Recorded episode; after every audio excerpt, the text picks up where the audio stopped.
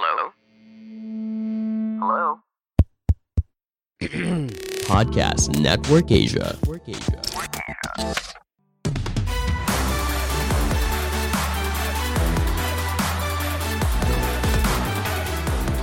Episode kali ini menjadi bagian kedua yang akan ngebahas tentang 10 jurus ampuh melawan bullying. Kalau kemarin sudah 5 jurus yang kita pelajarin, sekarang 5 berikutnya yang akan membuat kita tidak mempan deh kalau dihina oleh siapa pun. Yuk kita dengerin sama-sama.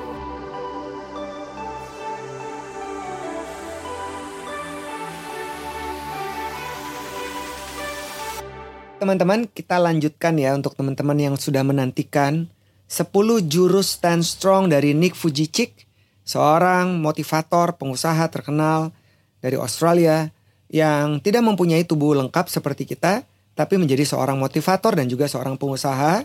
Dulunya dibully abis-abisan, dulunya si mulut kotor, kata orang Manado mulut caparuni. dan sekarang menjadi seorang yang sangat inspiratif. Salah satu idola saya adalah Nick Fujicik ini. Nah, kita udah tahu ada 10 jurus dan di episode atau di seri sebelumnya saya udah nyampein ada 5 sebelumnya. Saya refresh lagi ya. Mengetahui siapa dirimu agar tak seorang pun dapat mengatakan hal yang berbeda dan membuat diri kita merasa buruk.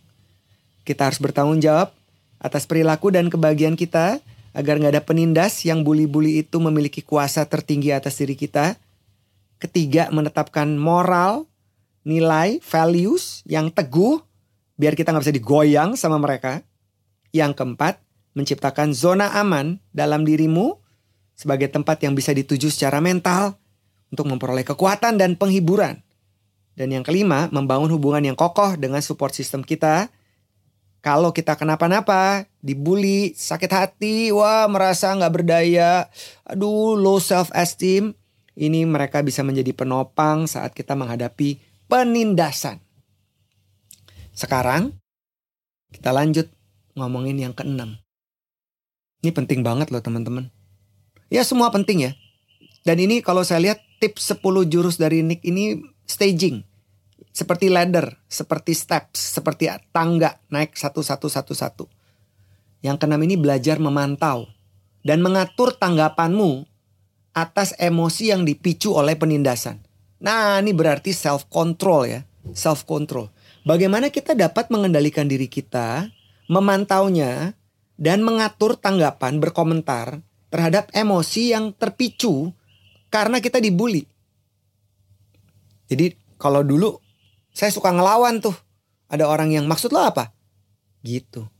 Kalau udah tahu teknik-teknik mengendalikan diri, saya gini, iya emang nih gue kurang, gue perlu belajar dari lo. Wah itu asik banget. Kemarin ya di kelas, seorang bawa pak melawan saya, memberikan argumentasi bahkan menyangkal teori dari buku yang saya tulis. Lu gila nggak? Ini gue bikin research lama banget, 10 tahun lebih, dia sanggah. Saya dengan tenang meladeni. Padahal yang dia sanggah tuh nggak penting banget sebuah pembahasan yang nggak penting. Aduh gila. Orang-orang di situ juga udah kayak mukanya tuh udah kesal banget ngeliat si bapak. Gue tenang aja gue ladenin. Iya emang pak, wah jadi emang harus gitu. Kalau bapak bilang gitu, oke nggak apa-apa sih pak, orang beda aja cuma sedikit sih pak. Tapi dari yang saya tahu adalah gini, gini, gini, gini. Gitu. Nah ini stage yang sangat krusial. Kalau kita sendiri nggak bisa belajar memantau dan mengatur kalimat kata-kata kita atas emosi yang terpicu karena sebuah penindasan itu, wah kita bisa jatuh lagi ke stage yang paling bawah tuh yang pertama. Fondasinya nggak kuat, nggak kenal siapa diri kita. Jadi ini penting teman-teman. Stage yang ketujuh. Jurus yang ketujuh. Mengembangkan fondasi spiritual. Nah, untuk membantumu menemukan kedamaian dan berdiri teguh melawan penindasan. Wah, gue setuju banget. Saya rajin banget beribadah. Tapi setelah COVID, tidak saya lakukan. Well, maybe it's my fault. Ya, karena nggak bisa juga ya, nggak bisa juga. Terus kalau mau daftar ke gereja tuh, aduh, penuh banget, telat mulu selalu. Tapi setiap saat saya pasti bertemu Tuhan saya Dan saya percaya ada kekuatan di luar saya yang mengatur hidup saya. Secara spiritual, itu fondasi yang paling kuat teman-teman. Dan kalau saya baca cerita dari Nick Stand Strong ini, keluarganya tuh bener-bener dan dan spiritualitasnya sangat bagus, sangat bagus. Akhirnya kita bisa menemukan peace in mind ya kedamaian, dan kita bisa berdiri teguh melawan penindasan. Belum lama ini, datanglah seorang teman lama ke rumah kami. Dia cerita, lama sekali kita nggak ketemu. Dia cerita tentang kondisi yang ia alami selama COVID ini menerjang kehidupan kita. Dia bilang, ya tapi gue ya, dia bilang, gue tuh kaki gue tuh bener-bener bisa berdiri tegak. Walaupun badan gue tuh goyang-goyang tau nggak, kehantem sana, kehantem sini. Jadi analogi yang teman saya sampaikan itu merefleksikan pengalaman hidup setiap orang. Bahwa di dalam saat-saat tertentu, kaki yang membuat kita bisa berdiri tegak adalah sebuah fondasi, support system, dan juga spiritualitas kita teman-teman. Kalau enggak, wah bisa ambruk tuh. Ya kan? Kita lanjut ya. Ke poin ke-8. Mengambil kesempatan untuk belajar dari pengalaman saat ditindas agar bisa lebih kuat, lebih bijak, lebih pede, lebih beriman, dan lebih siap menghadapi tantangan. Kan ada fuka kan? Tantangan yang tidak menentu itu yang pernah saya bahas sebelumnya. Volatility, uncertainty, complexity, ambiguity. Jadi, poin ke-8 ini mengambil kesempatan untuk kita bisa belajar dari pengalaman saat kita ditindas, dibully, dihina, diremehkan gak dianggap. Ini yang akan membuat kita lebih kuat, lebih bijak, lebih pede, lebih beriman, dan lebih siap menghadapi tantangan yang makin tak menentu. Dan kalau kita nggak pernah punya atau nggak nggak pernah mengalami sebuah tantangan, kita nggak akan kuat teman-teman. Justru tantangan-tantangan itu ya, lo mesti ngomong ke dalam diri lo. Bring it on. Ayo hina gue, sini. Mana caci gue, lawan gue, rendahkan gue. Itu perlu ditantang teman-teman. Bring it on. Jadi kita benar-benar siap menghadapi semua. Kalau orang ngebully kita, kita udah kuat. Dan yang kesembilan, adalah menciptakan strategi pertahanan terhadap penindasan. Jadi kita menciptakan strategi. Kalau tadi saya bilang ketika si bapak itu menyerang saya, saya akan bilang, oh gitu ya pak. Bapak dapat landasan teorinya dari mana pak? Ya tapi kan nggak masuk akal. Oh gitu ya pak. Oke pak, in taken pak. Saya terima inputnya. Tapi pengalaman saya, jadi cari kita, mari kita ciptakan ya, kita cari strategi pertahanan terhadap penindasan. Kita siap mengatasinya.